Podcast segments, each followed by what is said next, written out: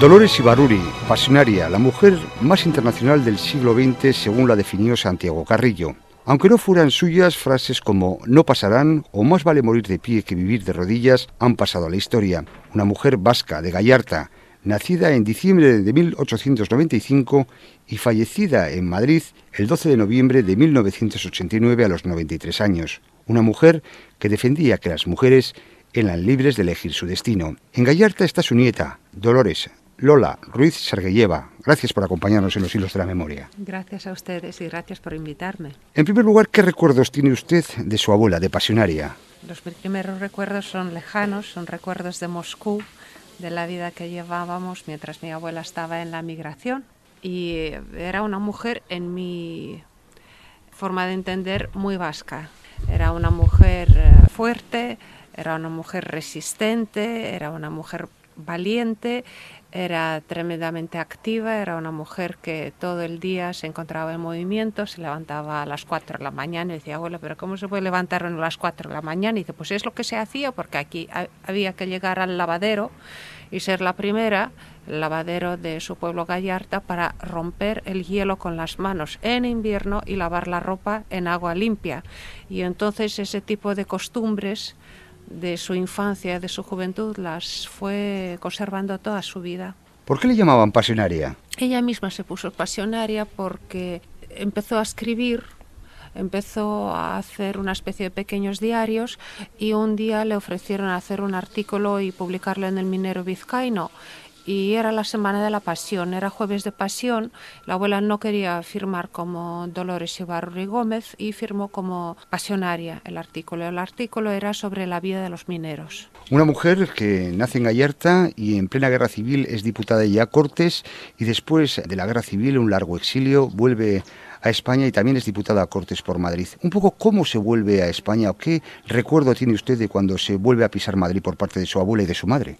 Mm, mi abuela Dolores tenía una nostalgia muy fuerte por España y de mis recuerdos más dramáticos de la infancia ha sido un viaje al País Vasco francés en el año 71 y estábamos sobre el puente que dividía el País Vasco francés del País Vasco español y de pronto la abuela se nos lanzó a cruzar el puente y pensábamos que lo iba a cruzar finalmente, pero no, se paró en la frontera y tenía un aspecto desgarrador.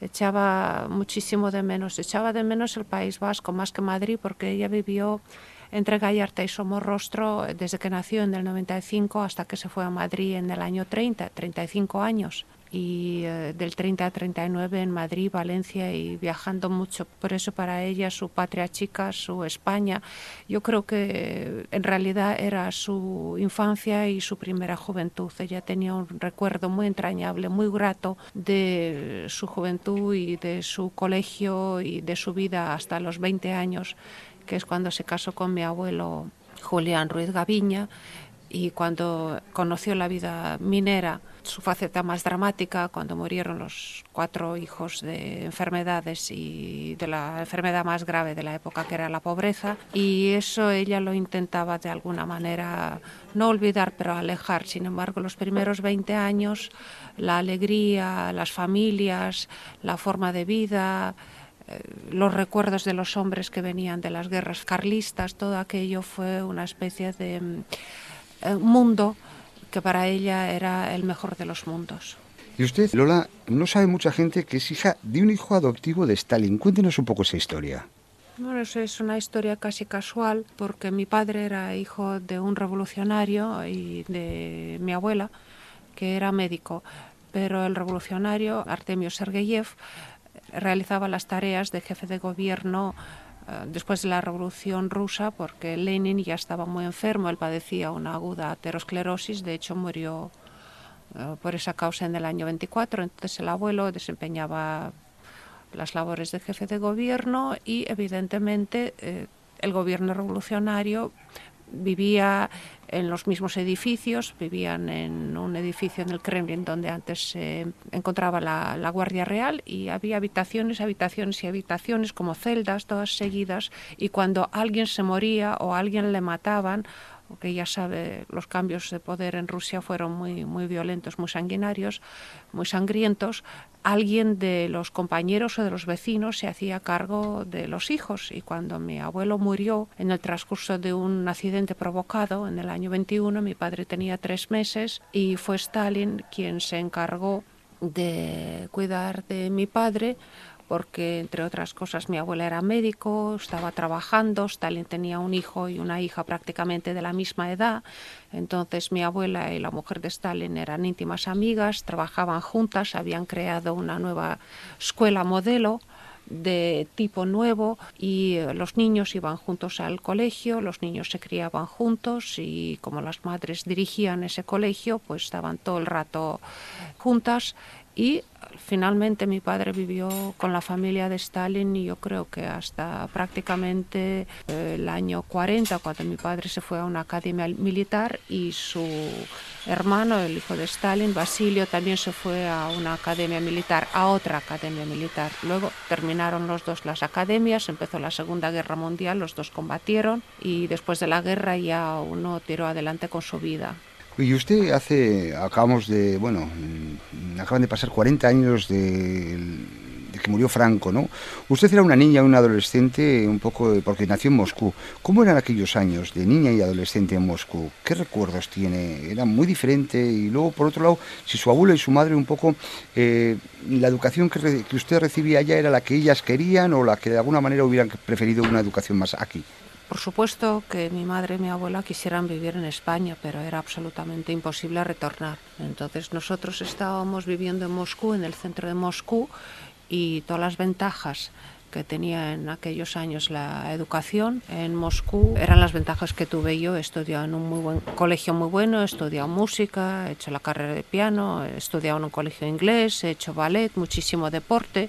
A continuación fui a la universidad, estudié periodismo audiovisual y la enseñanza era absolutamente maravillosa. Yo tengo mis mejores recuerdos, son relacionados con el colegio y sobre todo con la universidad a la cual yo fui, estuve vinculada durante casi 15 años, porque primero hice unos cursos para comenzar a escribir en periódicos, ya que quería ser periodista, luego cinco años de estudios, luego trabajé de periodista y luego volví a la facultad para hacer un doctorado que terminé a finales de los años 80 y también seguí en la facultad siendo profesora. Usted siendo nieta de pasionaria en la Unión Soviética y, como hemos comentado, también es hija de un hijo adoptivo de Stalin, ¿se siente una mujer privilegiada en la Unión Soviética respecto a otras o no? Yo creo que sí. Bueno, mi familia, ¿para qué lo vamos a negar? Era una familia privilegiada, pero uno de los grandes privilegios era tener el acceso a unos estudios eh, tremendamente intensos. Entonces yo recuerdo toda mi infancia y toda mi juventud estudiando y estudiando de, de sol a sol. Simplemente entendíamos que la calidad de los estudios que podíamos adquirir era realmente fantástico y era como un milagro. Era un milagro estudiar un idioma con un profesor para dos o tres alumnos. Aprendías cualquier cosa con ese tipo de nivel de, enseñanza o estudiar piano durante muchos años gratis y tener acceso a deportes y a lo que sea de forma gratuita. Nosotros sabíamos, por lo menos a mí me lo recordaban cada día en mi casa, que todo lo que yo estoy haciendo es como un gran regalo de la vida y que tengo que aprovechar de estudiar el máximo posible y aprender idiomas porque eso será mi gran capital, porque dinero en Rusia no se hacía, la propiedad privada no existía, sin embargo los estudios luego es como una renta vitalicia, puedes hacer muchísimas cosas ya que las has aprendido con los mejores profesores de la época. Modos, concrétenos un poco cómo era su infancia. Por ejemplo, eh, no sé, eh, usted conoció los cuentos de Caperucita, de los tres cerditos, exactamente un poco que, cómo vivió una niña en Moscú en aquellos tiempos? Mi propia educación era un poco surrealista porque por un lado tenía los tres cerditos y caperucita y de hecho mi abuela Dolores me hizo un traje de caperucita. Yo presenté caperucita en el colegio también presenté un ratón en otro cuento inglés. Caperucita roja. Caperucita roja, caperucita roja y un ratón gris. Me tocó hacer de todo, pero también teníamos los cuentos de Charles Perrault, la bella durmiente del bosque, o teníamos los cuentos de Andersen, que también eran tremendamente eh, populares, La Sirenita, etc. Y por otro lado, mi abuela, que era una mujer muy, muy, muy realista me daba literatura marxista, que ella la había leído muy pronto. Y yo me acuerdo, no sé por qué, pero a una edad de como 11 años yo me leí Los orígenes de la propiedad privada, el Estado y la familia de Engels. Y entonces la abuela me preguntó, dice, bueno, ¿qué, ¿te has enterado de algo? Digo, sí, sí. ¿De qué te has enterado? Digo, bueno, creo que los rentistas antes de la revolución vivían como Dios. Y entonces mi abuela se llevó las manos a la cabeza y dijo, pues sí. Eso, eso es lo más parecido a los cuentos de Charles Perrault, de Andersen y de todo lo demás, los rentistas de Francia. Y eh, Lola Ruiz lleva Stalin, Joseph Stalin, otros países de alguna manera también revisan su pasado y, y, ven lo que ha pasado. ¿Qué opinión tiene usted a estas alturas, ya un poco en 2015, de aquella etapa tan difícil en la Unión Soviética? Y sobre todo con ese personaje tan difícil. Yo creo que era una etapa muy complicada para toda Europa y Estados Unidos. Estábamos viviendo las convulsiones revolucionarias en Alemania, en Rusia, la crisis del año 29, la subida de Hitler al poder. El mundo estaba a borde de una nueva guerra, por lo cual surgieron varios personajes en la política mundial de una fortaleza enorme y Stalin intentó armar el país preparándose para una nueva guerra mundial, intentó recuperar el imperio, tal y como él entendía lo que era el imperio. ¿Cuál era el precio?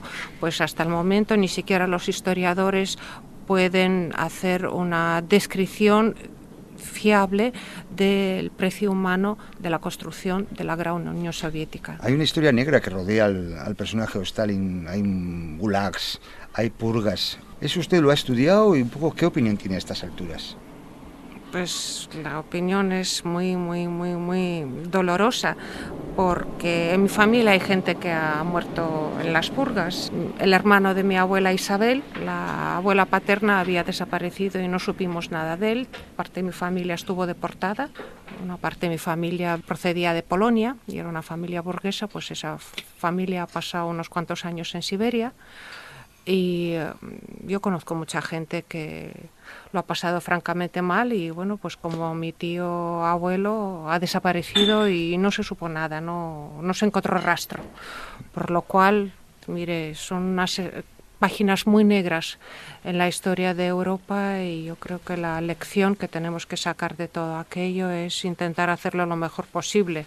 De todos modos, eh, si miramos el escudo de Rusia, eh, tiene, es un águila con dos cabezas, una mira a oriente y otra a occidente. ¿Para dónde tiene que mirar? ¿Más o menos? ¿O tiene que seguir así? La mayoría de la población rusa vive en la parte europea y la cultura y la educación y la enseñanza de los rusos es más bien eh, europea y luego hay ciertos hábitos y un enorme territorio que se encuentra en Siberia, en Asia, pero ahí vive la minoría de la población. Entonces Rusia siempre ha tenido esa dualidad y siempre ha tenido una enorme influencia del este, de China, de la India, de Japón. Usted viviendo en Rusia se da cuenta que el budismo o el lamaísmo, el sintoísmo o la religión musulmana son parte de la cultura nacional y de la forma de vida nacional. Tenemos grandes poblaciones muy diversas, con tradiciones muy diversas. Tenemos orientales, tenemos europeos, en fin, Rusia creo que por un lado tiene que ser una aliada de Europa y tiene que tener presente a su gran vecino sureño que es China, con la cual comparte una enorme frontera. Yo creo que con los últimos acontecimientos en Europa y con la tragedia parisina se van a estrechar los lazos con Europa nuevamente. la risa que lleva un poco, volvamos a Euskadi, estamos en Gallarta, ¿no? ¿Qué le contaba su madre y su abuela de Euskadi? Pues me contaba que ¿Qué era imagen una, tiene? una tierra maravillosa, pero donde llovía más de 160 días al año. Y la lluvia formaba parte de, de la calidad de vida, porque como vivía en una zona minera y como era familia de mineros y las minas eran abiertas, mirando al cielo ya se podían imaginar lo que les esperaba hoy. Había trabajo, no había trabajo, había jornal, no había jornal, por un lado, y por otro lado, las condiciones de vida eh, de mi madre y de mi abuela eran muy precarias. Tenían una casa en Somorrostro muy humilde, donde no había agua, no había electricidad, se inundaba cada dos por tres, había goteras dentro, como ya he dicho, eh, la enfermedad mm, infantil estaba omnipresente en todas las familias. Todas las familias habían perdido varios hijos por tuberculosis, por resfriados, por lo que sea. Entonces, por un lado, era un pueblo idílico, con una geografía preciosa, con una tradición milenaria, y por otro lado, era una vida tremendamente dura. Antes nos ha relatado el extenso currículum que tiene usted, pero en estos momentos usted se dedica a la traducción, concretamente, ¿no? La traducción también en quirófanos y eh, exactamente, y es, por eso un poco le, han traído a San Sebastián y a Bilbao estos días, ¿no? Eh, nos ha explicado cómo lo que le contaban, cómo ha encontrado usted Euskadi? A mí me encanta. Yo vengo aquí con mucha frecuencia y como ve me encuentro en casa de unas amigas vascas cuyos abuelos eran amigos de mis abuelos y seguimos aquí en una casa en la cuenca minera que ya no existe tal y como era, sin embargo existe un museo minero y eh, mi amiga es una de las activistas y una de las personas, una de las almas del museo minero y, estamos eh, haciendo planes para ver cómo se puede mejorar el museo, qué se puede traer. Yo quiero donar varios objetos que tenemos en casa, objetos que pertenecían a Dolores Ibarri o cosas que le han regalado para ampliar la colección de objetos del Museo Minero. Y siempre estamos pensando en ello y parece que ahora el museo se va a ampliar y queremos hacer una exposición más grande de la vida de los mineros, de la vida de hace 100 años. Y sí tenemos material. De todas formas, no me ha comentado el hecho de que bueno le gusta la gastronomía, como suelen comentar otros. De todos modos, ¿su abuelo algún plato vasco ya le haría? Sí, mi abuela en general era una mujer muy vasca y yo creo que por todo su aspecto era mujer vasca, le encantaba el bacalao, no había bacalao en Rusia, pero sí había una especie de lubina que era unos esturiones, más o menos en Rusia hay mucho esturión, es un pescado de río, y el esturión se prepara a la bilbaina o al pilpil o en salsa verde, eh, la porrusalda, la sopa de ajo, la sopa de cebolla, sí, la abuela intentaba mantener ese tipo de vida que fue marcado por su madre. Su madre era una ama de casa tremenda, hacía morcilla, hacía matanza, era una buena cocinera, una mujer hiperactiva, pero a lo vasco. Llevaba siempre su pañuelo, iba siempre inmaculada, con unos paños eh, de un blanco nuclear radiante, vendía chorizo y vendía morcilla y hacía vida vasca, aunque mi, bisabuela Juliana no hablaba vascuence. El que sí lo hablaba, el que hablaba esquera, era mi bisabuelo Antonio el Artillero. Él era del pueblo de Ibarri y era un vasco, como decía la abuela, cerrado, cerrado, cerrado, pero muy buen hombre. Y luego tuvimos una anécdota familiar muy interesante. Mi abuelo era minero y bisabuelo era minero y artillero y tuvo un accidente brutal en la mina. Una vagoneta le aplastó el abdomen y lo llevaron al hospital minero y tuvo la enorme suerte de ser atendido por el doctor eh, Areiza y el doctor Areiza, a finales del siglo XIX, le volvió a colocar todo el abdomen que mi abuelo tenía prácticamente destrozado y deshecho. Y además le dio recomendaciones, le explicó que es una dieta para gente que padece del estómago. Y mi bisabuelo Antonio, con las eh, enseñanzas y la ayuda del doctor Areiza, ha vivido hasta los 70 años. Dolores Ruiz que lleva, Lola, es que recasco por estar en los hilos de la memoria. Gracias. Es que ricasco. Agur.